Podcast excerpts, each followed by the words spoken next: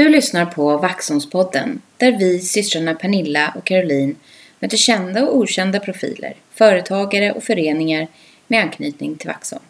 Välkomna att dela inspiration och vår kärlek till denna skärgårdspärla.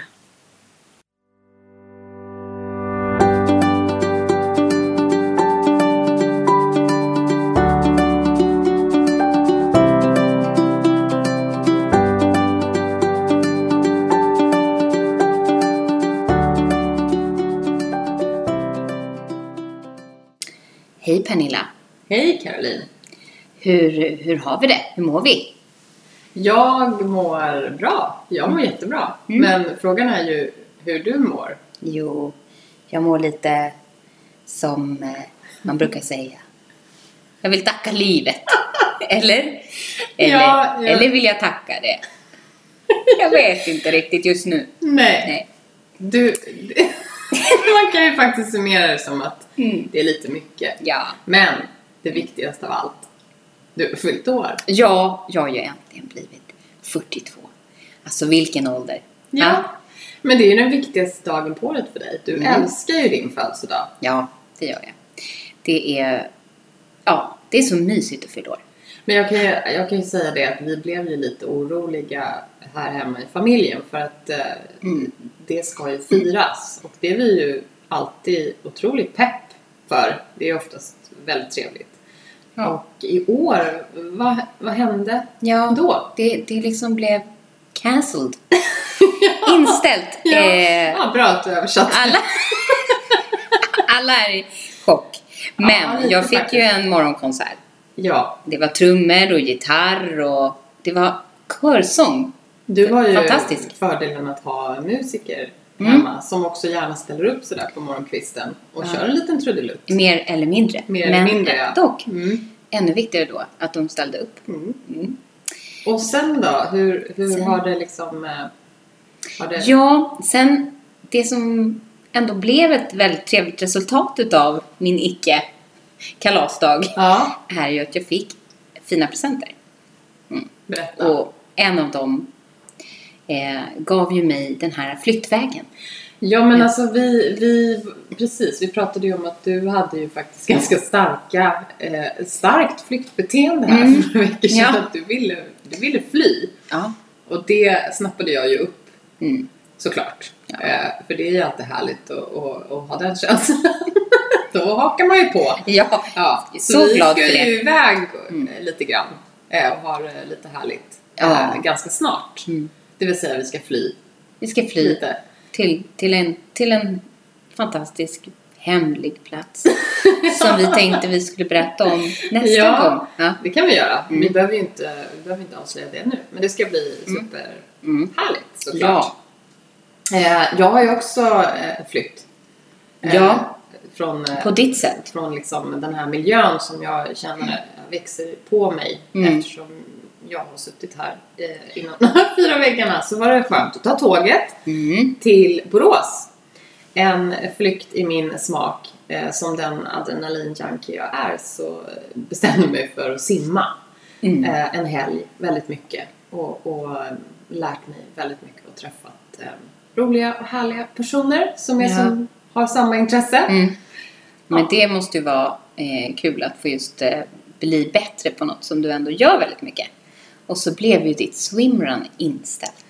Ja, det här var Mm. lite grann för att hålla upp liksom, Mm. motivationen här. Eller liksom kanske, nej men lite plåster på såren ska jag säga. Motivationen finns där. Mm. Men plåster på såren. Ja, ut och swimrun blev ju tyvärr cancelled. Mm. alltså vi är lite, Och det betyder inställt. den här gången är vi lite international. Ja, verkligen. Mm. kom det ifrån? Ja, men i alla fall. Eh, nej, men det blev inställt och eh, flyttat till maj. Mm. På grund av eh, pandemin. Ja. Och att de inte eh, fick tillstånd helt enkelt. Jättetråkigt. Ja. Vi hade ju tränat eh, väldigt mycket för det. Men någonting som ändå då um, finns kvar Mm. och som faktiskt precis har börjat det är ju eh, Vaxholms hockeyskola. Just det. Ja. Och Kevin han går ju i år tredje året. Ja. Och vad händer då? Det är något speciellt Nej, som händer jag då. jag Mm. vet ju, det är jättestort. Mm. Man har ju längtat efter det sedan första året i hockeyskolan. Det är att man ska sätta på sig en blå tröja. Ja, precis. Hur gick Och eh, jo, Det var ju så. Men man fick ju också ta en grön. De flesta skulle ha en grön. De hade bytt färg. Ja. Mycket. Eller det, det var, det var väldigt färg. svårt för vissa av de här. Ja, vissa mm. det sjuåringarna, de protesterade. och eh, roffade åt sig den blå. Vilken dramatik. Ja, Ja. Mm. men eh, det, det blev bra. Jag kan väl berätta för mig att han hade tagit en grön och det Mm. var faktiskt helt okej Mm. med honom. Jag tror att det viktiga var att han fick komma ut på isen Ja. med sina grejer. Ja. som han längtat så efter. Så är det ja. Och sen så har ju han också faktiskt börjat med kören. Alltså han är en sån mångsysslare. Mm. Mm. Eh, man vet aldrig var det slutar det här. Om det är Idol, Ja, direkt in i fredagsfinalen eller framröstad via sociala medier. Ja, så, Och Vaxholmspoddens ja, lyssnare. Ja, ja, ja. Vi kommer lyfta honom. Eh, eller- så blir det ju julkonsert i Vaxholmskyrkan. Lika vackert Mm. och trevligt. Ja. Där Det ju du och ser, jag ser vi fram emot. Ja. Ja, eh, många gånger. Vi är ju körisar, Ja. du och jag. Vi älskar kör. Mm. Man blir så glad av det. Ja, men eh, du har ju öst på får man väl ändå lov att säga lite Mm. grann här med födelsedagspresenter. Och eh, du har ju varit på hotellets eh, skaldjursbuffé. Hur var den? Eh, det var jättegott. Mm. De hade ju det här som en slags eh, tema. Mm. Eh, och där var jag med mamma, med mamsen. Mm. Och då fick jag faktiskt pröva något som jag aldrig prövat. Gud vad roligt. Ja. Och det Spännande. var de här eh, som man öppnar upp och så undrar man, Nej, ska vi äta det här? Mm. Mm. Nej, alltså. Ja. Eller jag ska inte, vad tycker du om Ja. det? Jag vet inte riktigt. Eh, vad är grejen? Egentligen. Ja. Ha, har vi något som är positivt med ostron? Ah, det är inte en favorit. Jag har ätit ostron Mm. flera gånger. Mm. Och jag har aldrig riktigt eh, fastnat för det, måste Nej. jag säga. Eh, Jag, jag vet inte vad grejen är. Det sägs ju, lite mytomspunnet Mm. sådär, eller kanske faktiskt sant, att det ska höja sexlusten. Ja, det, det är ju ändå det är något positivt. Men innan vi kanske konfirmerar det eller så, eller, ja, det, det kan ju vara härligt i Ja. på Mm. sitt sätt. Men det är ju att ett ostron, det är ju en mollusk. Mm. Det, låter, det låter inte så gott. Och det är tvåkönat. Mm. Ehm, och det är dessutom först hane och sen hona. Ja. Och så kan de ligga där i skalet i upp till 30 år. Oj. Och sen äter vi det. Ja. Det, det känns just nu när jag säger det äckligt. Känns som att det kommer ta en liten stund innan jag eh, ger mig på det igen. Ja. Men tack och lov för sexlusten då. Mm. Blev det, blev det några effekter då? Jag- Jag kan inte påstå det just... Du vill inte dela med dig av det? Nej, vi förstår. Finns det något annat man kan äta? Det är klart det finns och det har jag kollat upp. Att, Det eh, tycker jag är bra. Det är ett bra då- tips här i Nu podden. kommer en tipslista. Mm. Basilika, fikon, chili, kaffe, avokado och honung.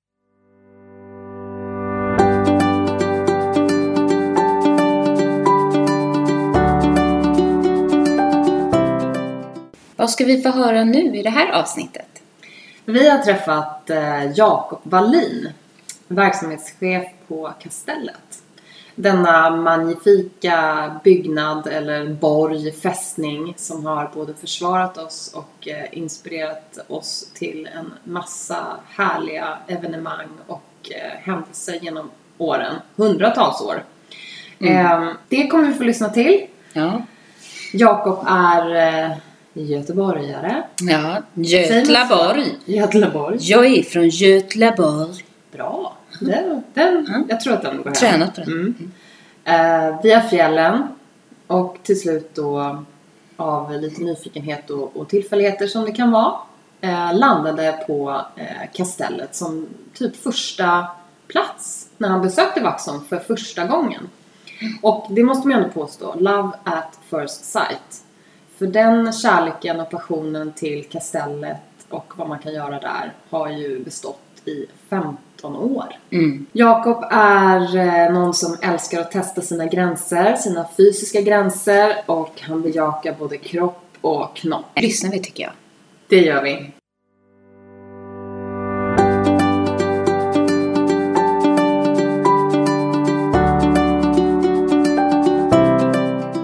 Hej Jakob! Hej! Välkommen till eh, Vaxholmspodden. Tack för det. Välkomna ut till Kastellet. Tack!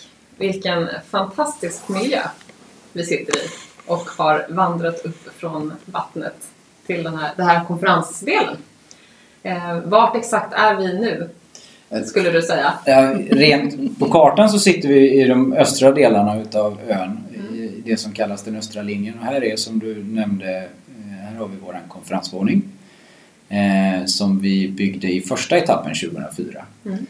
Eh, som är en utav de delarna, eller en, ett utav de benen vi står på här ute på kastellet. Mm. Och eh, bortsett från konferensen så har vi ju eh, restauranger här ute, två stycken. Eh, den tredje restaurangen är Lilla ön Badholmen och sen så har vi ju en mängd aktiviteter där ute också. Som Ja. Fångarna på Kastellet, bland annat Lagkampen. En del väldigt likt tv-serien Fångarna på fortet på TV4. Mm. Eh, säkert många som har provat eh, och ett koncept som vi har kört under många år men hela tiden utvecklar och har mycket återkommande gäster varje år. Ja, Ja, vi har ju båda faktiskt prövat eh, det. prövat och det är ju så roligt. Ja. Eh, och man känner sig som man är mitt i Fångarna på fortet. Ja, kul! Såklart. Kul höra. Ja, nej men vi har väl lite olika anknytningar själva till eh, den här platsen. Absolut. Vi är ju båda härifrån. Eh, Mm. Vi är uppväxta ute på Rindö båda två och har sett och förbi med färjan. Eh, Mm. Så det är ju otroligt speciellt tycker jag och väldigt roligt att få träffa dig och få höra ännu mer om eh, kastellet idag. Eh, Vi har ju också varit, vi har haft fester här ute. Eh, Ja. Det kanske du kommer in på sen. Vi pratar lite mer om verksamheten. Det finns ju väldigt fina festlokaler. Eh, har, vi, har vi märkt. Ja. har vi Ja. haft erfarenhet av. Mm. Eh, och eh, ja men och sen eh, konserter. Back in the days. Verkligen. Eh, Museet. Mm. Den historiska liksom, eh, berättelsen som finns här ute som är helt eh, otrolig. Man går igenom eh, vad är det, 400-500 år av historia. Eh, nu i alla fall nere i museet. Mm. Mm. Från, egentligen från eh, 1500-talet när Gustav Vasa tog beslut om att någonting skulle byggas här Mm. eh, på ön. Det gjorde han 1544 i Ja. Västerås riksdag för att dra, Ja. för att Vi dra eh, historielektioner. Ja. Eh, och sen så, men det man ser idag, det är inte från den tiden. Nej. Utan hela byggnaden som man ser idag, den är från eh, andra halvan av 1800-talet. Mm. Ja, eh, och byggdes upp under en 30-årsperiod. Mm. Men det har hänt mycket i, i de här väggarna, eller på de här golven. Ja, det har gjort det. Ja. Och eh, när vi tog trapporna upp hit till konferensvåningen så eh, kommenterade ni också att de faktiskt är urgröpta de här stentrapporna på grund av Ja. att det är bara många som har gått i dem. Och det är rätt fascinerande ja. hur man kan gröpa ur en stentrapp genom att bara nöta den med Mm. fotsulorna.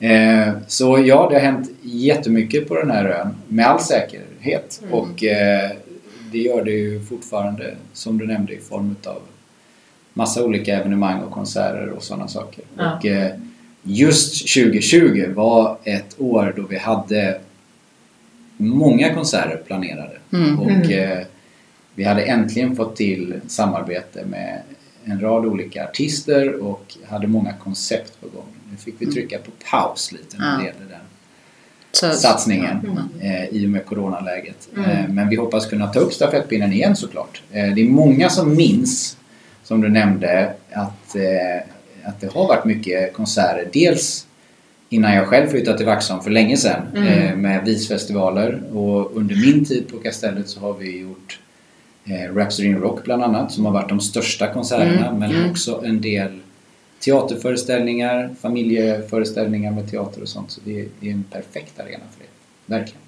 Vi går tillbaka till dig då Jakob. Vem är du? Och eh, ja, vad har du för hur hamnade du här? Hur hamnade du här? Ja, det undrar jag. Nej, det undrar jag inte. Jag vet ju precis hur jag hamnade här. Det är, de, som, de som träffar mig första gången, de säger att det hörs att du är från västkusten. Och Mm. sen så säger mina vänner från Göteborg, de säger att jag pratar stockholmska. Mm. Så det är nog någon eh, blanddialekt. så, Eh, och, men med det sagt så är jag från Göteborg från början. Jag eh, flyttade från Göteborg och jobbade under några år eh, för Skistar eh, och gjorde det som skidlärare i Sälen, lite grann i Åre. Ja. Eh, och eh, sen så jobbade jag också en del med Skistars olika event som de har. Och tyckte det var kul. Allt ifrån familjetävlingar i backarna till de här lite större eh, eventen som Red Bull stod bakom och hopptävlingar och sådana saker. Ja. Så det var, det var en eh, väldigt kul tid. Men under den här tiden så var jag gäst på, på Kastellet. Så det var egentligen Ja. första gången jag satte min fot här. Eh, och jag kände vänner som jobbade här också. Och när jag var här första gången då tyckte jag Jäklar vilken Ja. cool produkt de har här och vilka Mm. roliga grejer man kan göra på den här ön. Mm. Undrar om eh, det finns möjlighet att jobba här i framtiden. Och sen ett år senare så passade det och då fick jag välja lite fjäll och berg Mm. mot Stockholms skärgård och Vaxholms kastell. Och eh, då föll valet på, Mm. på kastellet. Eh, Var det Åre som var alternativet? Eh, nej, då jobbade jag i Sälen och Mm. min nuvarande fru eh, eh, jobbade kvar där under mitt första år här. Så då blev det en del pendling. Jag Ja. hade en fot kvar Förstår där det. uppe. Ja. Mm. Åkte upp så ofta jag kunde och ville åka lite skidor också men hade boende och jobb här i, i Vaxholm och på Kastellet. Mm. Eh, Men ingen annan koppling till eh, Vaxholm eller ön i, i övrigt? Någon släkthistoria eller någon... Inget sånt. Nej. Och ingen, jag, jag har faktiskt aldrig satt min fot i Vaxholm innan den gången jag åkte till Vaxholm för att åka ut Nej. till Kastellet. Mm. Häftigt. Så det var, det var min, det var min Vad- premiär här. Ja. Och nu sitter jag här. Nu sitter du här. Men det var bäst, en 15 av de bästa senare. delarna av Vaxholm i och för sig Men då, som du du, var på. skärgård då måste man ju fråga en göteborgare. Eh, relationen till skärgården innan då var Mm. på ett annat sätt. Ja, Den och jag, eviga fighten om Ja, vilken skärgård som är bäst. jag, jag har fått frågan förut och Ja, jag, tycker, jag tycker om att svara på den också. Mm. Eh, för att de är ganska svåra att jämföra de här två skärgårdarna. Det är helt, två helt olika. Mm. Eh, när jag är på västkusten och är hemma på västkusten, jag säger fortfarande att jag är hemma på västkusten, och badar, då är det så att man vill ta ett djupt andetag under vattnet, hur korkat det än är att andas under vattnet. Men Mm. det, att dyka i eh, saltvattnet på västkusten är det är friskt och det är underbart och jag älskar klipporna Mm. eh, på västkusten. Och, men Stockholms skärgård har ju det är ett enormt djup i Stockholms skärgård. Det är så stort och det är, man kan aldrig sluta utforska det. Och det är fantastiskt på alla sätt. Och sen framförallt också att eh, vi är så nära Stockholm som också ligger liksom mer eller mindre i skärgården, eller i början av Ja, skärgården. ja. Eh, så eh, båda kusterna är charmiga på sina sätt. Mm. Göteborgs skärgård har inte samma djup som Stockholms skärgård har. Men däremot Nej. så kan man ju åka upp i Bohuslän och sluta upp i Norge och sådär. Ja, det, jag tycker också det är jättefint båda. Varför, Ja. Det är väldigt varför ska man välja? Ja, varför fast- välja? nej, man precis. måste inte. Det behöver man ju inte. Nej. Tur är. Och särskilt inte du då som har eh, din kanske släkt där? Eller? Ja. Jag Så har eh, i alla fall min mamma Mm. och pappa som bor kvar här. Mm. Båda mina syskon har, eh, bor just nu i Stockholm båda två. Mm. Eh, så, men mamma och pappa bor kvar i Göteborg och det finns Mm. vänner kvar i Göteborg också. Mm. Så jag åker gärna dit ofta. Ja. Och varje gång jag är i Göteborg så säger jag när vi stannar längre. För det känns, så är det ju att komma hem. Mm. situationstecken. Det är något annat. Ja. Men vad är det som drar dig tillbaka hit då? då? Det bästa med eh, Vaxholm kanske? Eller ölivet, skärgårdslivet? Eh, vad skulle du säga är det Nej, men, bästa med det? någonstans så har vi ju eh, både jag, alltså jag och min familj. Jag har en fru som heter Lisa eh, och två pojkar. En som är fem år och en som är två år. Mm. Eh, och här har vi ju valt att starta familj och alltså bosätta Mm. oss. Så det är klart att det finns en attraktionskraft i Vaxholm. Det råder inga tvivel om. Och jag älskar Vaxholm. Annars så skulle jag inte bo kvar här. Eh, och eh, Vaxholm är ju fantastiskt med tanke på dels läget mitt i skärgården också men tillgängligheten till Stockholm, att ha det på ett sånt behagligt avstånd är ju i min värld i alla fall helt perfekt. Mm. Ja. Kunna ta del av hela utbudet som Stockholm eh, som Stockholm levererar och eh, samtidigt kunna bo mitt ute i skärgården. Det, det är en bra kombination. Mm. Men eh, du pendlar ju kort med båt eller långt med båt då om du ska in till Stockholm eller åker du, du kanske åker bil men, men eh, hur... eh, Nej, de gångerna vi ska ta oss in till Ja, Stockholm så, ja. så försöker vi nästan alltid åka båt. Mm. Då försöker jag, om jag har haft möten inne i stan så tittar jag på Vaxholmsbolagets tidtabell först. Och Ja. sen så lägger jag mötet därefter, om det går. Det är Ja. inte alltid det går. Ehm, men, eh, Det är ju det men det är ett fantastiskt sätt att ta sig in till huvudstaden eller in är till. Stockholm. Mm. Och, eh, eh, ombord på båten, om man, eh, där har du möjlighet att sitta och jobba också Mm. på ett helt annat sätt än man har bussen. Så jag tycker det är ett bra lyx. sätt att pendla. Så Mm. att, eh, positivt är att man fortsätter, man bedriver ju massa försök nu att liksom öka pendlingsmöjligheterna på vattnet. För vattnet är det ju inte trångt på, det är ju på Nej. vägarna det är trångt. Så det är ju helt rätt sätt Mm. att tänka. mm. Ordning på bränslet. Rätt bränsle. Precis. Mm. Eh, Ja, men jag har ju eh, själv prövat pendelbåten nu mm. eh, som har börjat gå. Den är ju fantastisk eh, på, på det sättet att den går eh, bra tider och eh, det är den här SL-pendelbåten. Så det funkar ju också.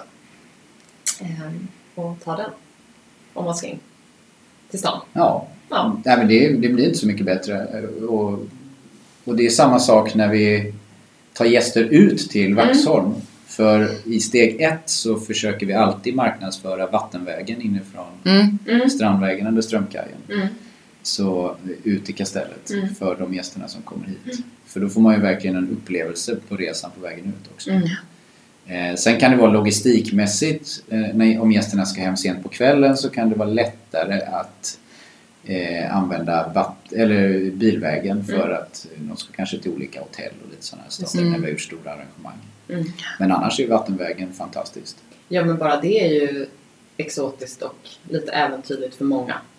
Som Ja. inte har skärgård där de bor i vanliga fall och sen även då eh, få se hela vägen ut och så komma ut till den här vackra platsen. Så Mm. det tror jag, det är mycket turister på båtarna hela tiden tycker jag. Ehm, ja, vad härligt. Och sen den lilla båten hit då. Ja precis, annars, annars är min, om, om jag inte ska in till stan, Ja. de flesta dagarna är, på mitt arbete sker, paddlar?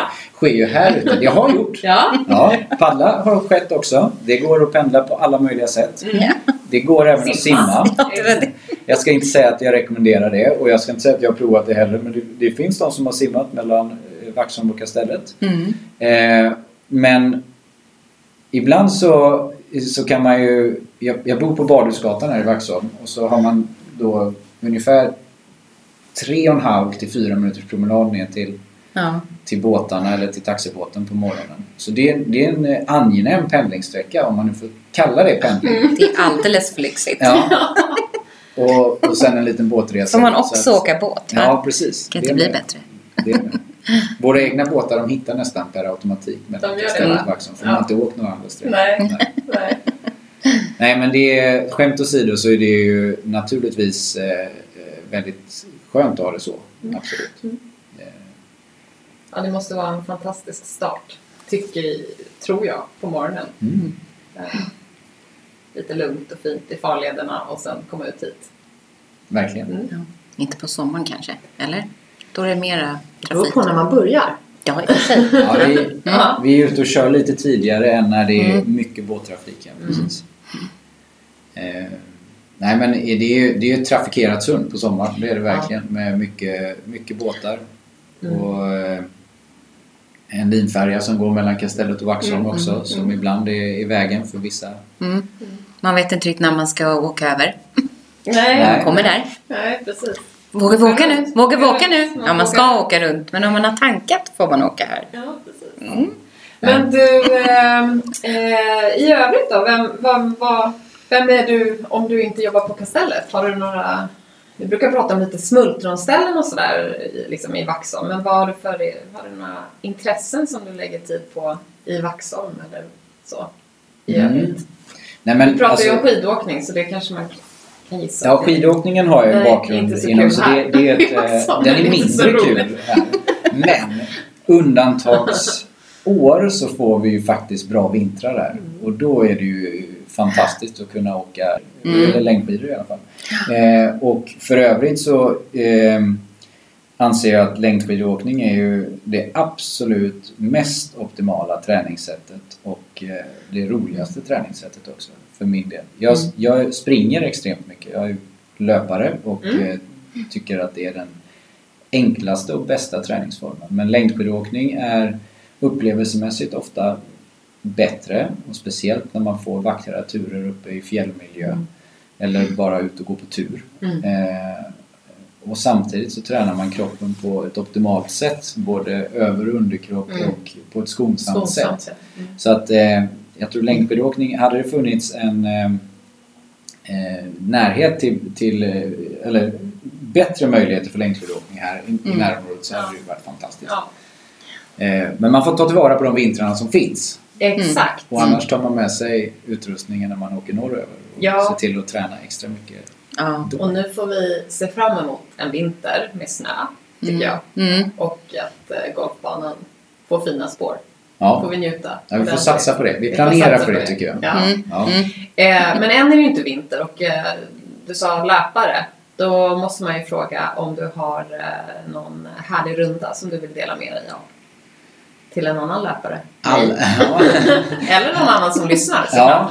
Vi har många lyssnare som är löpare. ja, men, nej, men det, det, finns, eh, det finns ju bara bra rundor. Jag vet. Ja. Men det finns alltid nya rundor. Inte, Precis. inte, inte Men- om du frågar mig. Jag har, jag, när, när man har kommit över den tröskeln då finns det bara bra rundor. Ja. Men eh, eh, skämt åsido så finns det två stycken favoriter.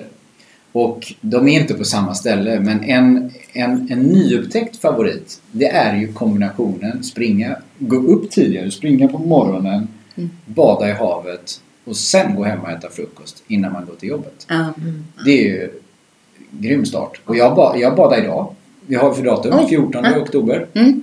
Eh, på morgonen innan jobbet, efter löprundan. Det är lite fusk att ha sprungit sig jättevarm och sen så hoppa i, Ja. i sjön. Men, Det är eh, mer obehagligt första doppet. Ja. Om man har sprungit innan.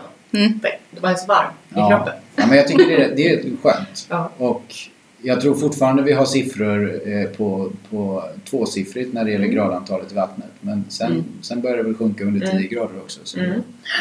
ju längre Men planen är att vintern- fortsätta. Ja, absolut. Mhm. Jag måste bli en bra vinterbadare Året, tänker ja, jag. men är det, det är nytt. Ja, Det- jag det- brukar ja, inte bada på nej, vintern men nej. det, det, det gör jag nu. Mm. Så det här var nog, idag var fjärde doppet i oktober tror jag. Mm. Eh, och det är Mm. fantastiskt skönt. Ja. Speciellt efter en löptur. Så det är en favoritlöptur. Den Ja, det andra favoritlöpturen som icke får förglömmas Mm. när du ställer frågan Mm. är Bogesund. Ja. För vilken oanade möjligheter Ja. det finns där. Massor. Det Ja. finns ju stigar precis överallt. Ja. Och där kan man ju liksom aldrig springa sig mätt. Nej. Och alla Men dock virra är- bort sig. Ja, det lite. kan man göra. Men Ja. då är det egentligen bara att fortsätta springa åt något håll och så kommer man ju Till vägen. Till vattnet. till vägen eller till vattnet. Ja, men det är Ja, två tänker man har. vägen. Antingen på Bogesundsvägen eller så kommer man till vatten. Ja. Det brukar vara min räddning. Ja, men jag ser vattnet, det är lugnt. Ja. Ja, och ibland blir rundorna lite längre än planerat. Men då, det, är ju, det får man ju se som en bonus då. Det tycker jag. Ja. Mm. Ja. Och eh, alla årstiderna där ute är ju helt fantastiska. Mm. Våren med vitsippehav och springa där på stigarna. ja, det ju är så att väldigt man, härligt. Då glömmer man bort att det är tungt att springa Mm. utan då går benen av sig Ja. själv. Så det, jag får nog sätta den som Ja. nummer ett på Mm. bra löpturer. Och sen är det väldigt mycket roligare i min mening att springa stigen och springa asfalt. Mm. Eh, Håller med. vilket jag gärna gör när jag är uppe i, i Åre eller andra berg också. Mm. Mm. Är du en eh, lopp, loppkille? Mm. Ja.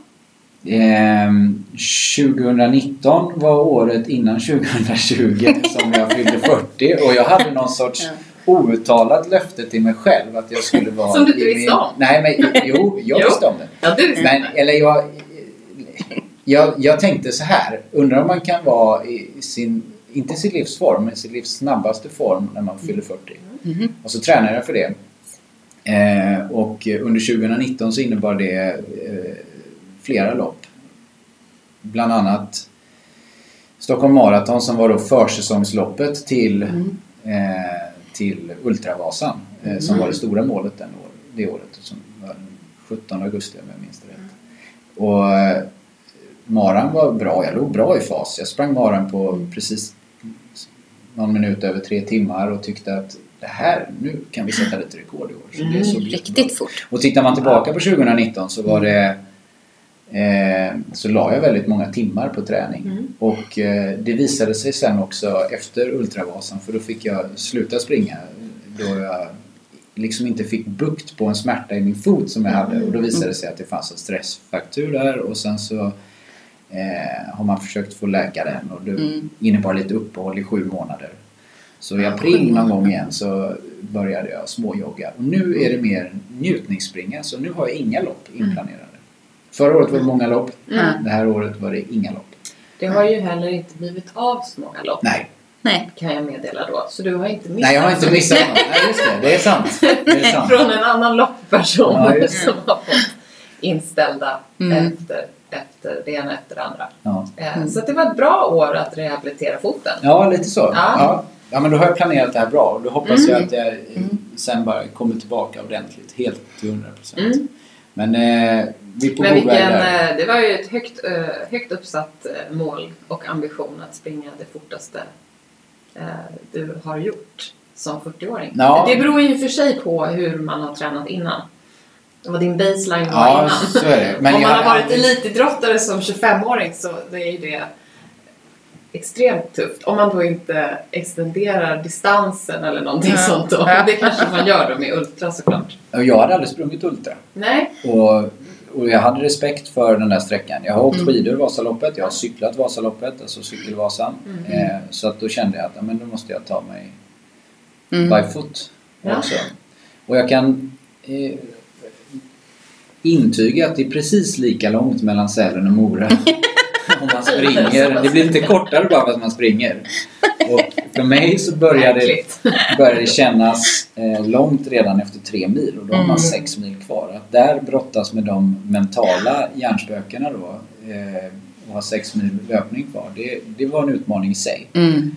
Så jag var knappt glad när jag gick i mål. Jag tyckte att det här har nog kostat lite för mycket. Mm. Men var facit- kommer pannbenet ifrån då? Ja, men facit i hand så, så insåg jag att det hade ju kostat mycket på grund av att jag hade lite ont när jag sprang. Så det fanns ju troligtvis en, en stressfraktur redan då, eller det gjorde ju det. Mm. Och, men men eh, jag tog mig mål och gjorde det som enligt mina egna mål då under nio timmar och tyckte att men jag kunde liksom ändå inte vara glad åt resultatet. Nej, nu är nej. inte Ultravasan ett sånt där lopp som är ett resultatstyrt lopp utan det är mer från att ta sig från Sälen till Mora känns som. Ja. Eh, men det tog några dagar innan jag lyckades vara glad över det där. Och det var en ny känsla. Att Mm. liksom, jag tyckte att loppet i sig kostade för mycket. Ja. Ja.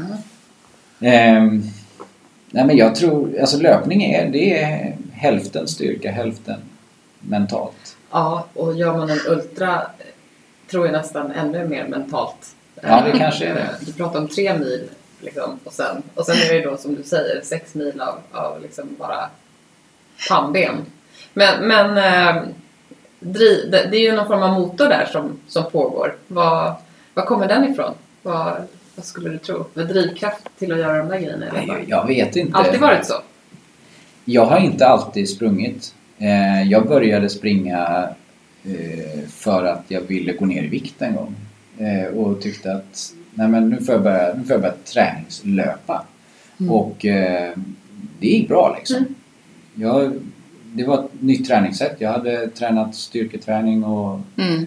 spelat fotboll eh, och andra saker tidigare men löpningen var nytt. Att jag kontinuerligt började springa. Men sen fastnade jag och märkte att det här är ju det är mitt sätt att rensa skallen. Man Ja. eh, springer efter jobbet. Då, det är fantastiskt om man har haft en lång dag och eh, Ja. som jag nämnde tidigare att börja morgonen. Så att för mig är det liksom rehab och träning. Medicin. Ja, Mm. verkligen. Mm. Och att få springa i olika miljöer är fantastiskt kul. Och när man är ute och reser, det enda man behöver med sig det är ett par skor. Perfekt. Löpning kommer liksom aldrig bli en materialsport. Nej. Eh, nu finns det massa coola skor och det finns Ja, det eh, gör snygga det. kläder att skaffa och lurar Ja. och pannband. Ja, Och, det det. Allt sånt. Men egentligen, man behöver bara sig själv och ett par skor om man inte tycker om att springa barfota. Och det är rätt fascinerande. Och Mm. när man är ute och reser, att upptäcka städer genom att springa är också det bästa sättet. Mm. Så att, eh, ja, det finns mycket eh, som är positivt med löpning. Och framförallt för mig själv. Jag Ja. märker ju det. Om jag inte springer det här året, början av det här året, så Mm. klättrar jag lite på väggarna. Jag måste hitta substitut Mm. när jag inte kan löpträna. Mm. Ja. Jag kan inte annat än hålla med.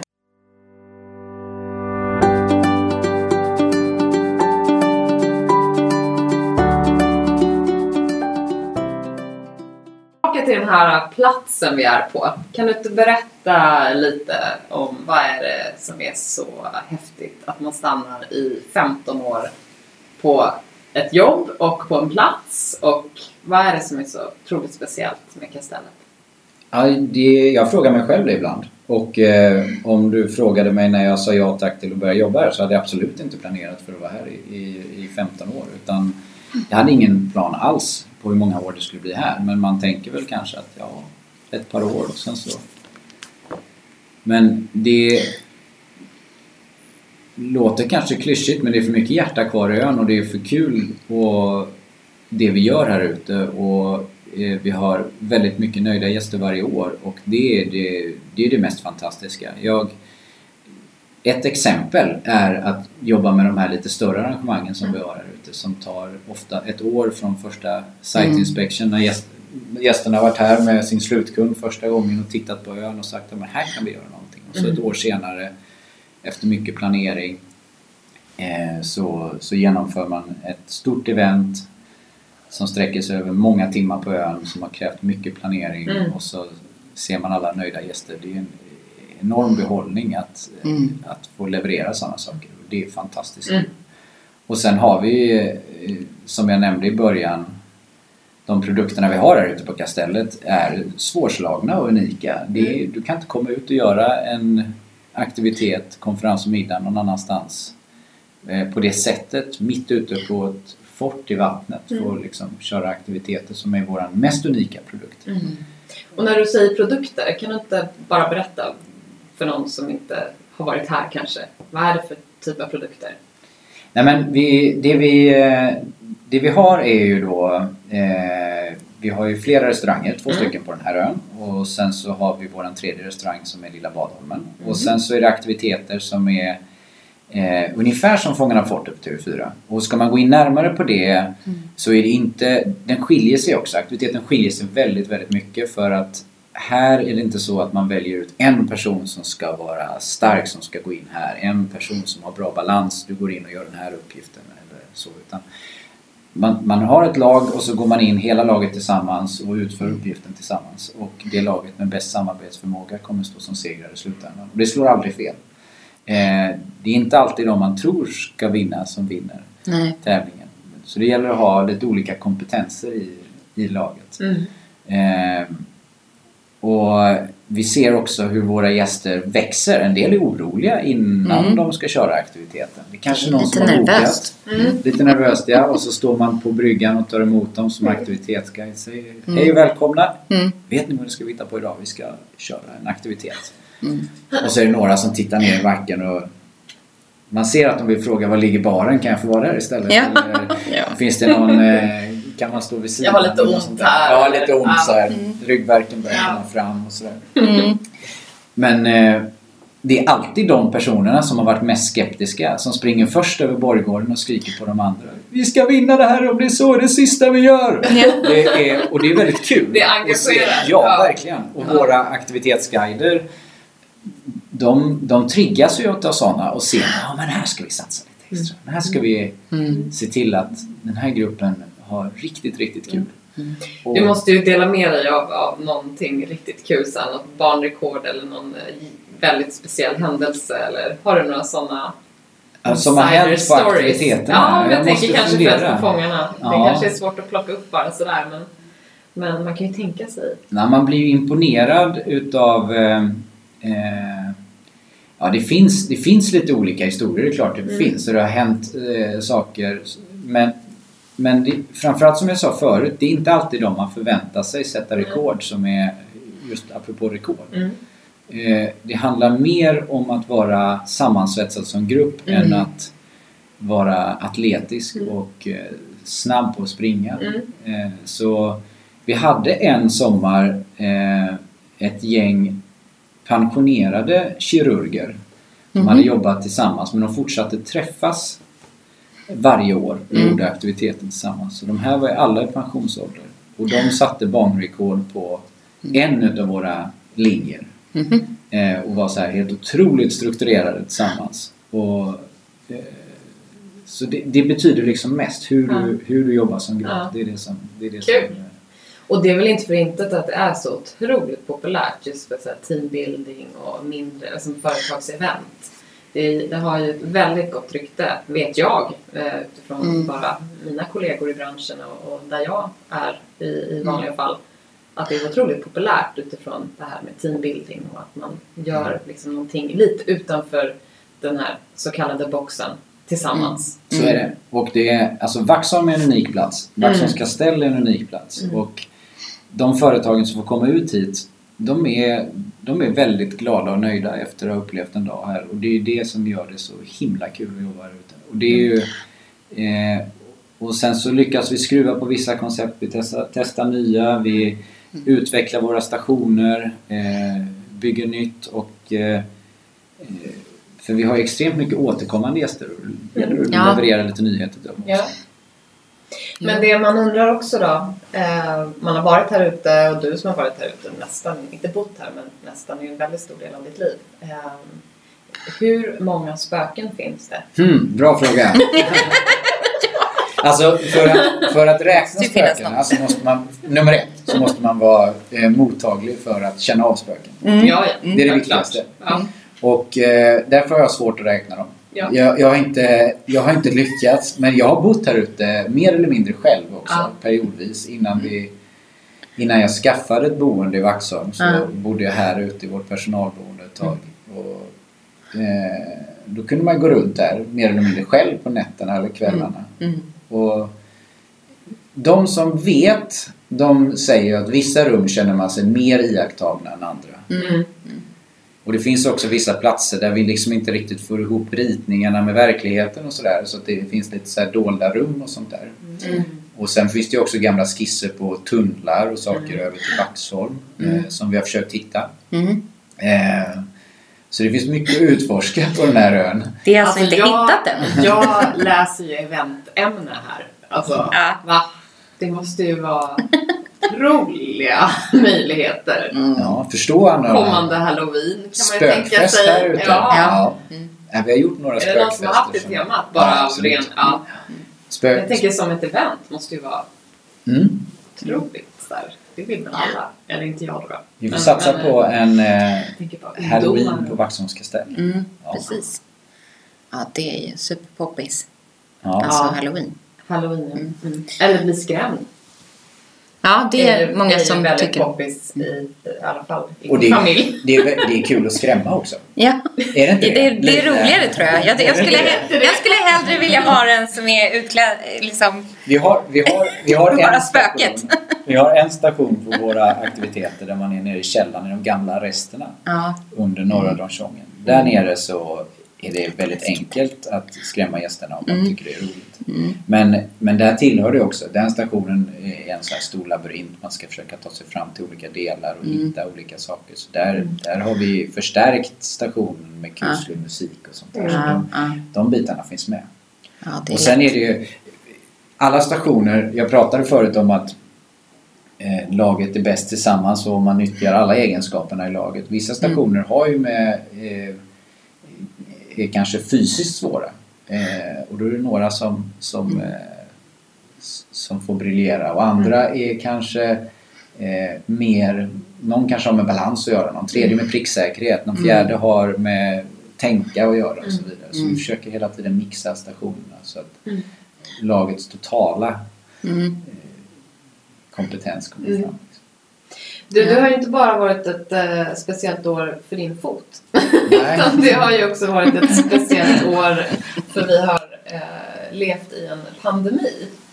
Ja, Eh, hur har Kastellet och er verksamhet lyckats ta dig igenom den? Vi jämför... den? Nej, vi är inte igenom den. Vi jämför Jakobs fot med, med Corona. Det var inte riktigt rättvist. Men det var... Det, var- det var Utifrån ditt personliga Ja, perspektiv. precis. Ja. Mitt personliga perspektiv. Ja, så får jag jämföra det. Mm. Nej, men... ehm, nej, det, det eh, Corona och Covid-19 påverkar ju oss extremt mycket eh, såklart. I, på ett negativt sätt. Ja. Vi är ju, eh, hela besöksnäringen har ju drabbats hårt eh, och är fortfarande drabbat och vi ser ju liksom inte riktigt det svåraste med alltihopa det är att man inte kan göra en plan för framtiden för att vi vet inte hur och när det slutar och, och eh, eh när börjar folk resa igen och när kan man träffa större grupper och sådana Mm, saker. mm. Det handlar om att ha lite kameleont-tänk på något sätt. Mm. Anpassa sig vecka för vecka, månad för månad efter rådande situation. Mm. Och det har vi ju märkt ju längre genom den här krisen som vi har tagit oss. Mm. Eh, och jag är helt övertygad om att vi kommer ta oss igenom den och eh, förhoppningsvis så är vi lite starkare på andra sidan och har Mm. lärt oss någonting nytt på vägen. Och det jag kan tycka redan som man ser som positiva effekter det är folks och företagares eh, villighet och eh, förmåga att samarbeta och lyfta nya idéer och eh, Mm. eh, eh, hjälpas åt. Och det där blev ju väldigt tydligt redan Mm. i början av sommaren kan jag tycka. Och speciellt på en lite mindre ort som Vaxholm också. Eh, Jo. Så det, det, det kan ju vara en positiv effekt om man nu ska försöka lyfta någonting positivt. Mm. Eh, och Strömma Turism och Sjöfart som, som eh, driver Vaxholms kastell som är min arbetsgivare är ju en stor del utav Strömma är ju enormt beroende av internationell turism. Så att det är ju klart Mm. att när den uteblir så är det ju eh, definitivt tungt. Mm. Är det. Mm. Men eh, som många andra företag så blev man ju korttidspermitterad eller man fick ändra om sina, sin tjänsteportfölj, produktportfölj till mer digitala event och så vidare. Är det någonting som ni har fått eh, göra delvis eller har, ens, har ni sådana, sådana planer? Ja, absolut, och det har vi redan gjort. Vi, Mm. vi anpassar oss hela tiden. Hela Mm. Strömma gör det och Mm. tittar på vilka produkter erbjuder vi till, eh, eh, till de personer som finns här i, i, i Stockholm och Mm. i närområdet. Och eh, vårat sommarcafé här i sommar har Mm. gjort ett all time high till exempel och det är jätteroligt. Och den har vi ju verkligen satsat på. Och eh, eh, så vi har haft fler folk än någonsin som Mm. under juli månad och augusti då Mm. eh, som har Mm. varit ute på ön och tagit del av allt det vi erbjuder här ute. Mm. Och eh, vi har under några år nu också fått till fler produkter här ute, inte bara det som vi driver utan jag tänker på Ja. eh, konst och Mm, gallerier mm, eh, på olika sätt. Och, och, eh, så det är jättekul att verksamheterna på ön eh, blir fler Mm. och att, eh, att det finns ett större utbud för den som väljer att åka ut hit. Mm.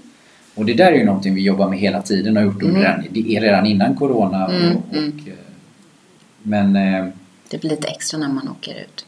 ja, Får, ja. precis. Och sen så också de här lite större eventen som vi i normala år kan göra. De har ju också vuxit med åren, de publika eventen. Som Mm. till exempel Barnens dag som har blivit extremt populär. Mm. Och, eh, Det brukar vara jättetrevligt. ja, och, vi, och, och Jag som har varit här. Den typen av event försöker vi jobba hela tiden med att få ännu fler utav. Mm. Många utav Vaxholmarna minns ju till exempel Rhapsody in Rock som var Mm. här ute i två år och vi hade signat för ett tredje år. Mm. Och så, Mm. eh, så lyckades det inte riktigt med biljettförsäljningen det året så då valde de att flytta hela produktionen då in till, Mm. eh, till Skansen just det året. Mm. Det här såg de ganska tidigt. Men, men eh, de två åren vi körde här ute med närmare 4000 personer i publiken, det var ju enorm feststämning. Så Ja. det där eh, är ju någonting vi satsar på att ta vidare. Ja. Och just sommaren 2020 så hade vi eh, lite olika artister inplanerade. Mm. Eh, men om vi satte på hold. Jag pratade som eh, eh, senast igår med en av våra artistförmedlare så, Mm. eh, som, som jobbar med de här olika koncepten. Så ja, men det ser vi tar nya tag när Ja. det går. Sen är det osäkert även för 2021. Man vet ju inte riktigt. Nej, man vet inte riktigt. Men, men eh, lokalen, Mm. så att säga, Mm. kan ju eh, möjligen anpassas om, det, om riktlinjer och sånt eh, väljer att släppa till lite grann i just Mm. de här utomhusmöjligheterna. Eh, Ja, jag. verkligen. Borggården är stor. Ja, den är Ja. ju jättestor och det finns ju lite ytor runt omkring och sådär Mm. eh, också. Mm. Eh, så det bådar väl gott. Ja, det hoppas vi. vi- Alltså, Ja. Vi måste Jag vara tror- optimistiska.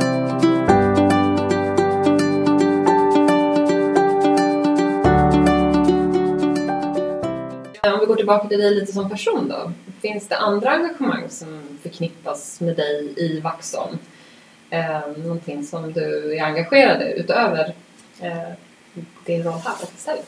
Ja, alltså jag, för det första, jag har en arbetsgivare till som heter Mm. Storstockholms brandförsvar. Så jag är en rastlös själ. Jag tycker om att göra mycket grejer. Men, eh, och där jobbar jag då som brandman på Vaxholms brandstation. Eh, och då har vi ju deltidsbrandmän här i Vaxholm, eller räddningsman i beredskap om man ska säga det på rätt sätt. RIB. Ja, men just det. Eh, men deltidsbrandmän, då brukar de flesta veta eh, Mm. vad det är. Så var fjärde vecka så har vi jour. Mm. Eh, och då är vi eh, då är vi beredda att åka in på larm. Då. Ja. Efter arbetsdagen här ute så slår man på sökaren klockan fem och sen stänger man av den klockan sju på morgonen Mm. Mm. eh, dagen efter och sen så har man jour då hela helgen också. Mm. Eh, så det gör vi var fjärde vecka. Mm. Eh, Hur, lång, hur lång tid har man på sig när det, när Ja, det vi- larmar? Ja, vi måste ju... Man har kort tid på sig. Ja. Men man måste kunna rulla ut från vagnhallen ombytt och klar på sex minuter. Så att Mm. vi, vi, eh, det gäller att vara nära bilen eller om man har så nära till Mm. brandstationen, en Mm. cykel i alla fall. Mm. Så Ja. man hinner upp. Wow. Eh, men eh, nej, det, det är fantastiskt. Eh, eh, ett yrke som jag... Jag har aldrig sökt mig, eller jag har aldrig tänkt att jag ska bli brandman riktigt. Nej. Utan eh, jag fick eh, frågan om jag kunde söka och så tänkte jag, "Ha, ja det kan jag göra. Det är Mm. spännande. Mm. Och först när man börjar sätta sig in i det så förstår man liksom vilket yrke det faktiskt är. Det handlar inte bara om att spruta vatten på eld. Nej. Utan det är, räddningstjänsten är ju, omfattar ju så extremt mycket. Mm. Och det, en brandman måste vara ganska eh, multikompetent när det gäller Mm. att kunna många olika arbetsmoment och saker. Och det, eh, det är fantastiskt roligt och utmanande och Mm. kul att lära sig. Mm. Med. Sen vill man inte att det händer saker men eh, det är väldigt kul att få hjälpa till när det väl gör det Mm. och kunna vara där. Ja, det är en spänning Ja, kan jag tänka mig. Även jag som då är fru till en som är också en del utav det här försvaret. ribbarna. Kan säga att jag får också spänning i det när det, när det väl larmar. Ja. Så att man, man, är, man är med fast man inte är med. Mm. Ni gör ett väldigt bra jobb. Ja, men det kan vara allt ifrån att eh, lära sig såga träd som sitter i spänn över en Mm. väg liksom, till att eh, eh, men arbete på hög höjd med allt mm, vad det handlar om säkring och sådana saker. Och sen givetvis att kunna släcka bränder och gå in i bränna, brinnande byggnader Ja. som är någonting vi övar på jättemycket. Och vi Mm. övar ju hela tiden för att bli duktiga Mm. på alla de här arbetsmomenten. Sjukvården är en stor bit också. Ja. Mm. Mm. Så det finns många delar. Mm.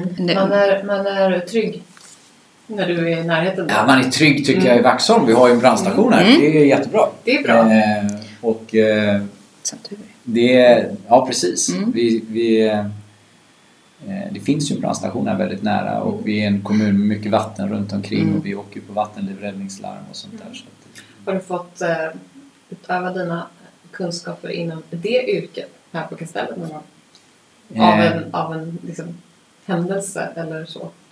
Inte när jag Nej. har varit mm, utbildad brandman men sen Mm. har det hänt saker på Mm. Kastellet som gjort att vi har fått eh, ta hjälp utav räddningstjänst eller Mm. ambulans och sånt Mm. där. Och, eh, där är ju också helikoptern väldigt snabbt på plats Mm. ifall vi väl behöver hjälp där ute. Mm. Det är skönt att veta.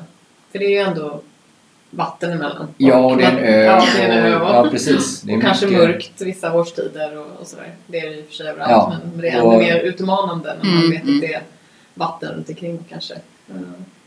Nej men så är det. Så beredskapen måste finnas och personalen här ute är utbildade. På, Mm. och det finns hjärtstartare på plats Mm. och sådana här saker. Mm. Så den biten är absolut viktig. Mm. Det kan inte göra så mycket i alla fall att man har en, en utbildad brandman. Nej men det är ju det är klart, det är bra att ha det, Det är på bra en att ha det, precis. Jag tänker det. Ja, jag skulle känna mig trygg. Men du, vi vet ju också att du är engagerad i någonting som heter eh, Destination eh, Vaxholm. Ja, det finns ju, alltså det är ju destinationsbolaget här på orten Mm. och eh, jag sitter i, just nu i eh, styrelsen för Destination Vaxholm men har varit engagerad under alla de åren som Destination Vaxholm har funnits. Och vi är nu, nu får vi se om jag blir rättad här, men vi är inne på eh, vår andra tredje år, treårsperiod som Mm. destinationsbolag. Och eh, eh, det är ju någonting som är väldigt viktigt för Vaxholm som stad. Och vi Mm. har ju fler, dels är det då ett nätverk mellan företagen också, men Vaxholms ansikte utåt. Vi Mm. har ju, vi har ju ett annat eh, vi har ju även företagarna som jobbar lite med Mm. samma frågor på, Mm, på många olika sätt som också är väldigt viktigt. Men just destinationsbolaget är jag verksam i, i styrelsen och eh, eh, vi har ju även kommunen som stöttar destinationsbolaget och sen destinationsbolagets alla medlemsföretag. Mm. För ett destinationsbolag måste man ju vara medlem Mm. eh, helt enkelt. Och eh, även trots så många år på Kastellet och i Vaxholm så när destinationsbolaget startades så fick jag verkligen upp ögonen för hur mycket fantastiska produkter det finns i Vaxholm. Mm. Vilken eh, palett vi har här ute. Mm. Och många engagerade företagare och eh, är det verkligen, och när man, när man då börjar jobba tillsammans med alla de här då, då helt plötsligt så lyckas vi knyta ännu fler grupper i form av kanske konferenser och möten till orten. Vi lyckas knyta ännu mer privatpersoner eh, med alla de produkterna som finns. Mm. Eh, och eh, destinationen har precis nyligen också släppt en ny webbsida. Mm. Så in och kika på den alla Ja. lyssnare Ja. och eh, titta på Destination Vaxholm. Eh, Och den heter det, Destination Vaxholm. Destinationvaxholm.se Ja men vad intressant. Vilka, eh, du gör väldigt mycket du Jakob. Mycket energi Ja. och tid. Du har mer tid än många andra eller? Nej, jag har inte fler timmar på mitt dygn än någon annan. Det är eh, eh, det önskar man att man hade. Det Ja. vore Eller hur? skitbra egenskap alltså. Mm. Det hade jag velat fixa. Det och så beställa väder. Ja. Mm. Men då är du lite van att komma med lite så här snabba beslut. Så vi har ju en återkommande punkt i, i Vaxholmspodden Mm. med eh, några frågor. Där du eh, får leverera kort eller Kort eller långt? svar. Det är, ganska, det är okej med båda. Ja, man får välja kort eller långt. Ja, det har blivit så. Ja. Jag skrattade lite när, eh, när vi började prata här för att eh, vi kom in på bad.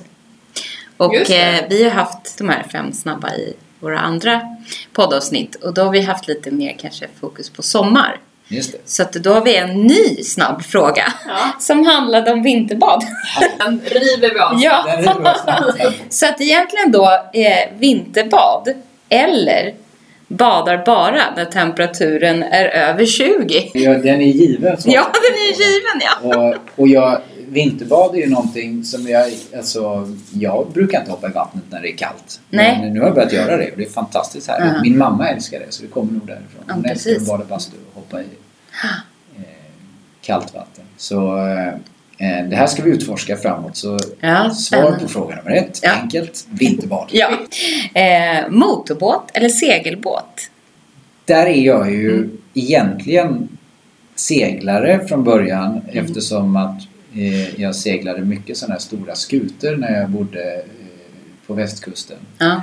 Och har seglat hela vägen upp till Norge, över till eh, Shetlandsöarna och till ostkusten och sånt där också. Så att, Mm. Men just nu, i det läget som är nu, så måste jag ändå välja motorbåt. Ja. Det blir så här, eh, det är enklare logistik. Men jag Mm. hoppas någon gång senare i livet att jag Mm. kanske kommer att äga en segelbåt. Ja.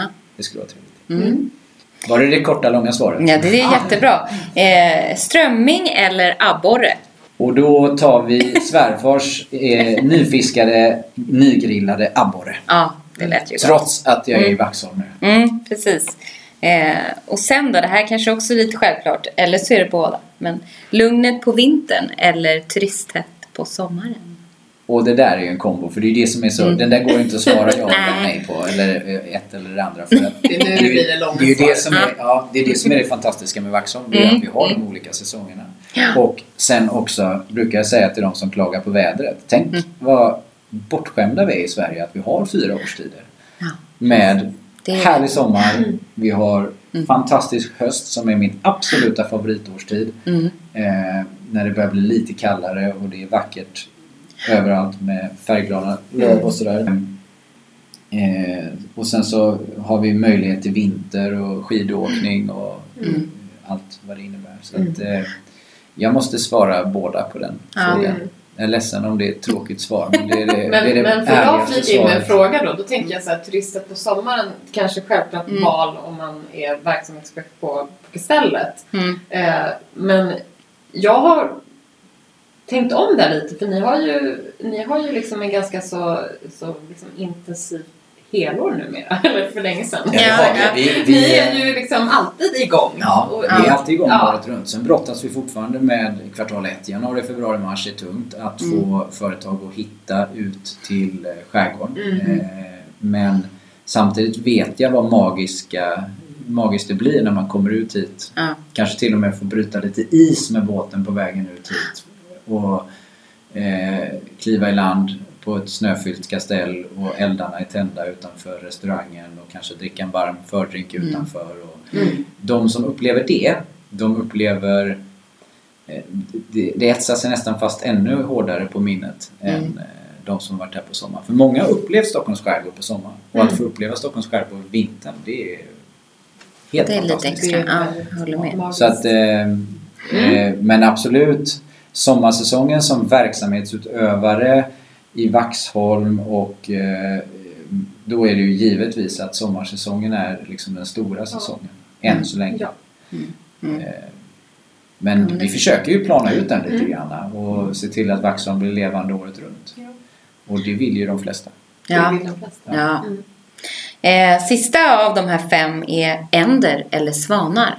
Och det är tveklöst svanar.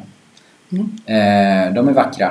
Ja, Ja, Mm. Men är de så mycket mer egentligen? Nej men de är, det räcker. Om man nu tittar på eh, härliga... Ja, nej men de passar liksom in. Ja. ja det blir väldigt Ja. fina kort. Ja, det blir det. Ja. Otroligt Ja, vackra. Så att, eh, jag tycker svanarna är jättevackra. Vissa utav dem är lite arga men inte så att det stör. Min poäng. Argen. Ja, precis. Ja.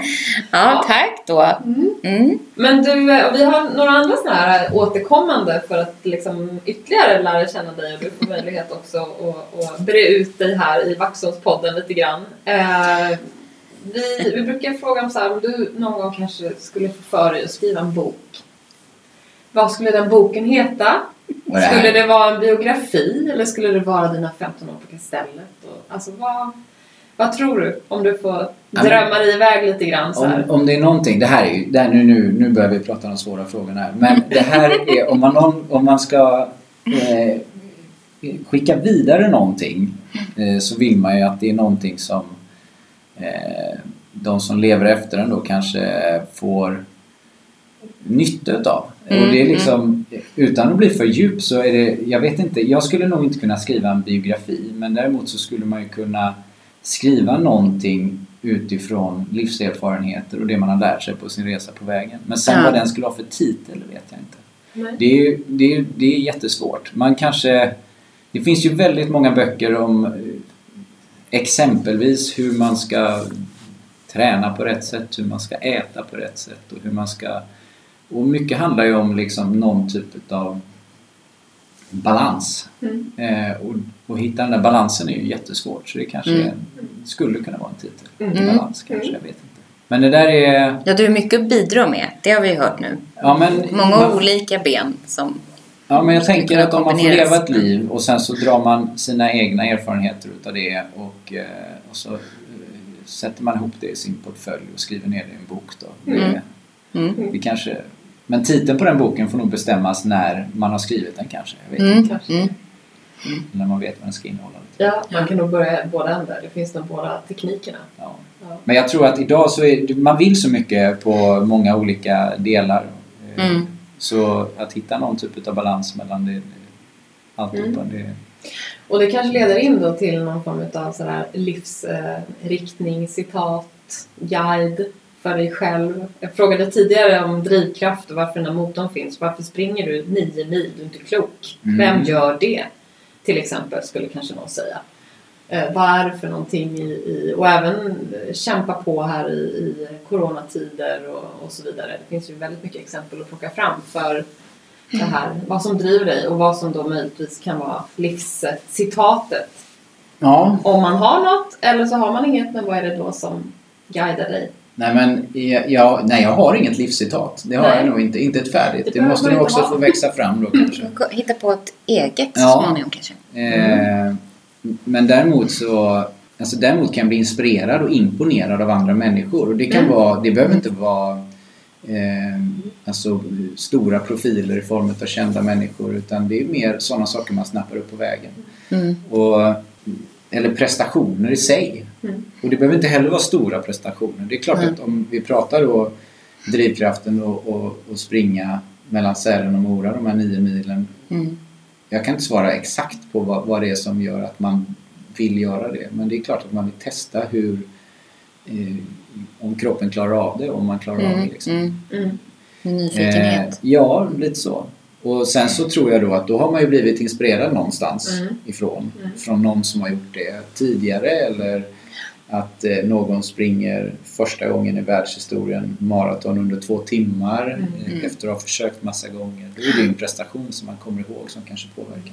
Men jag har inga, inga direkta sådär citat eller eh, någon speciell person som, är, som, som eh, påverkar mig extra mycket som jag kan komma på sådär. Nej. Lagom utsvävande svar va? Alldeles naturligt. Ja, nej, men det, ja, Ja. Och eh, det är, väl, det är väl också kanske ett svar att vara lite sökande. ja, det kan Mm. det vara. Eh, Mm.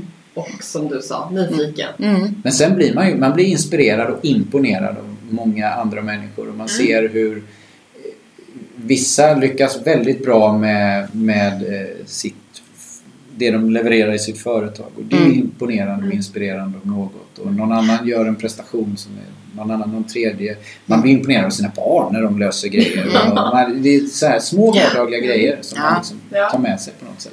Och det är ju härliga åldrar på dina barn. Det måste hända väldigt mycket Ja, det händer just nu. jättemycket. Det gör det. Två år och fem år. Ja, Mm. Det, ja, det händer mycket. Senast nu när vi var uppe i Åre i, i somras så finns det sådana här konkreta exempel med cykling till exempel. Mm. Mm. Och minstingen tänkte vi så här att nej men trehjuling kan vi inte ta med, den tar för mycket plats i, Ja. i bilen. Vi tar med den här balanscykeln så får han väl lära sig. Det är klart han gjorde det. Ja. Det är så här Ja.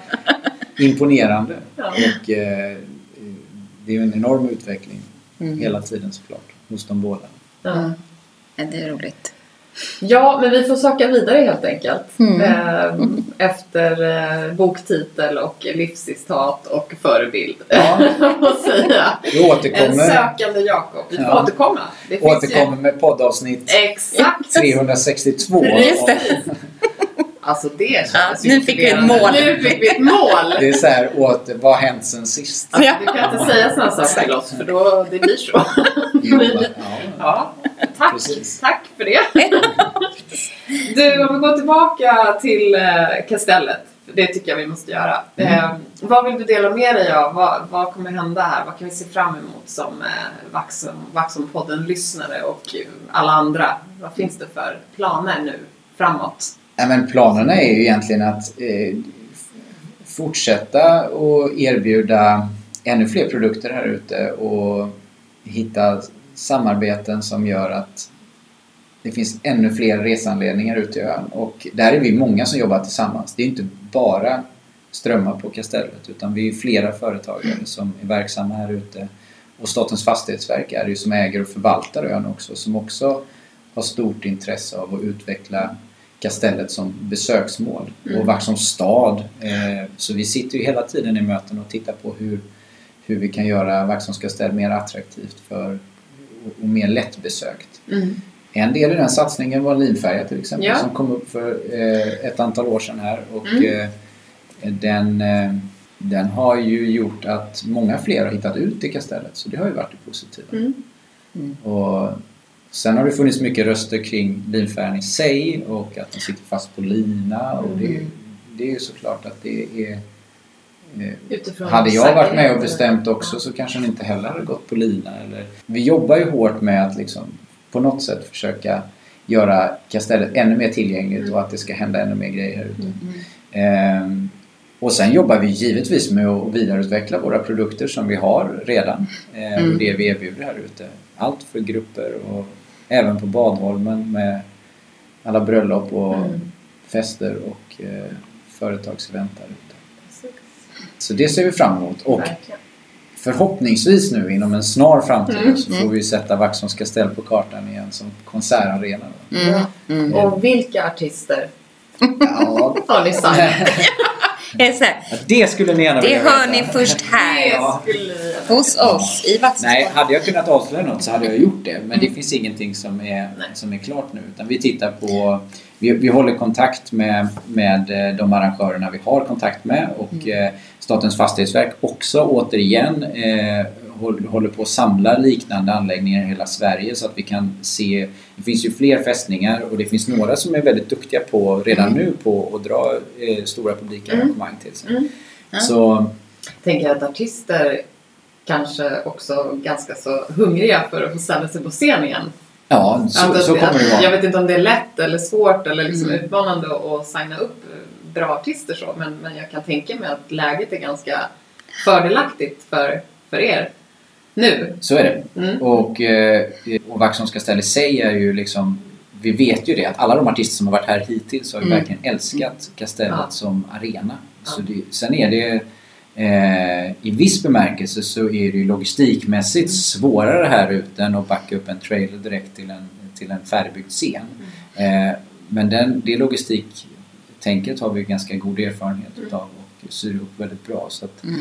det blir en unik spelplats och det är många som nappar på det och Mm. tycker att det är... Så det, jag, jag hoppas verkligen att det eh, kommer att blomma så fort Corona är över. Mm. Ja, verkligen. Du, ehm, vi rundar av här med, det, med den liksom spännande framtidstron här på Mm. eh, stora härliga konserter Kastellet. Ser jag fram emot i alla fall. Jag kommer komma, definitivt. På alla jag känner. så, fort det, så fort det är något klart. Ja. Eh, Mm. Kanske snylta lite och lägga mig i båten utanför. Nej, jag skojar.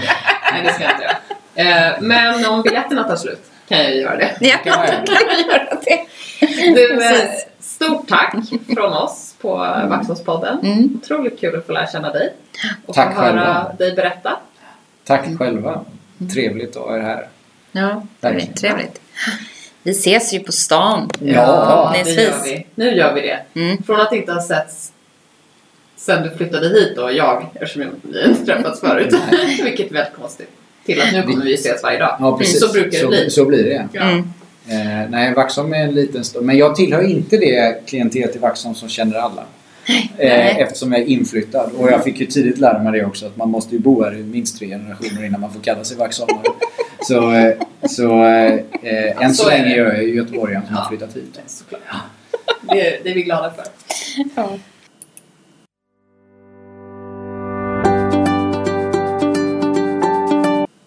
Det här mötet, det var, det var ju extra speciellt. Vi fick ju faktiskt eh, transport, eh, både taxibåt dit och så fick vi åka en liten motorbåt hem eh, och fick känna av lite hur det är att eh, jobba på kastellet. Verkligen. Eh, just att få det här eh, vattnet och, och vinden direkt. Ja, Eh, och eh, ett varmt välkomnande mm, på kajen. mm, med en liten privat guidning Ja. på väg upp till där vi skulle sitta och podda. mm, jättetrevligt. mm. Vissa saker följer lite på plats. Man har Mm. varit där en massa gånger men eh, aldrig gått en guidning. Det har jag gjort Mhm. ganska nyligen, Ja. i somras. Eh, på en sån eh, i museet, Ja, historisk guidning. Men eh, det här var ju lite annat. Så tack Jakob för det. mm.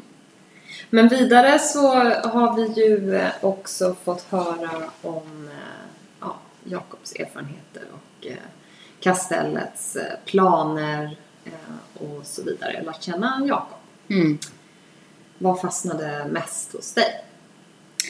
Ja, det, det var väl att han eh, var så mångfacetterad, som man kan säga ett fint ord. Men eh, han eh, har gjort väldigt mycket i sitt liv. Ja, han verkar ju vara en Eh, sökare. ja. Utforskande, nyfiken. Mm. Eh, väldigt eh, ja, men intressant att lyssna till. Mm. Dock hade han ju inte riktigt det här livscitatet då. Eh, och Nej. Eh, kanske den här färdiga drömmen eh, och, och så. Men, men eh, det kanske var just det. Han söker fortfarande. Mm. Men jag tycker att han är en förebild i sig själv. Precis. Så det tar jag med mig. Han inspirerade ju oss direkt och gav oss en, litet, ett litet stretchat mål. Mm. Att, Just det. eh, Hur många avsnitt betyder det? Han vill Att- ju gärna komma tillbaka och berätta Ja. lite mera om just Mm. det här i avsnitt 362. Ja. Och då räknade jag ut lite sådär eventuellt att det kanske är om 30 år om vi fortsätter släppa eh, avsnitt varje månad. Och Det låter är Jakob det låter långt 70 bort. Och vi är ju ännu äldre. Mm. Eh, och spökena, de är lika gamla. Eller är de... Ja, nej men det var ju enormt Ja. mycket spöken på kastellet. Det är ju Mm. så spännande. Ja. Och du ville ju göra någon liten annonsering här till Halloween. Ja, Ja. jag undrar om eh, nu när ni eh, hör det här att eh, ni kanske kan komma förbi eh, hemma hos mig och spöka lite.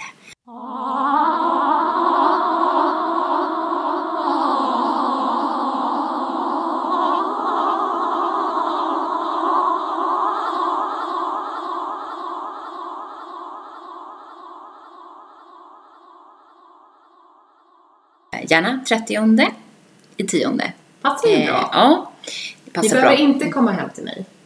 Jag, jag är ju rädd för Ja, spöken. hon är lite Mm. chicken. Så gå till eh, den andra här. Nej men vi hoppas ju få se Jakob i sin eh, skuta. Seglare som han egentligen är, även om han föredrar motorbåt numera för det är praktiskt, det förstår vi. Mm. Men i en skuta eh, seglandes förbi kastellet ut på nya äventyr. Ja, vilken vy. Stort tack eh, Jakob, stort tack Kastellet och gänget där, för att inte tala om Sannes goda dadlar. Mm. Vi eh, ser fram emot alla konserter, artister, evenemang och Julmiddagar. Jul. Det finns så mycket. Mm. Så, eh, ja, vi ses där!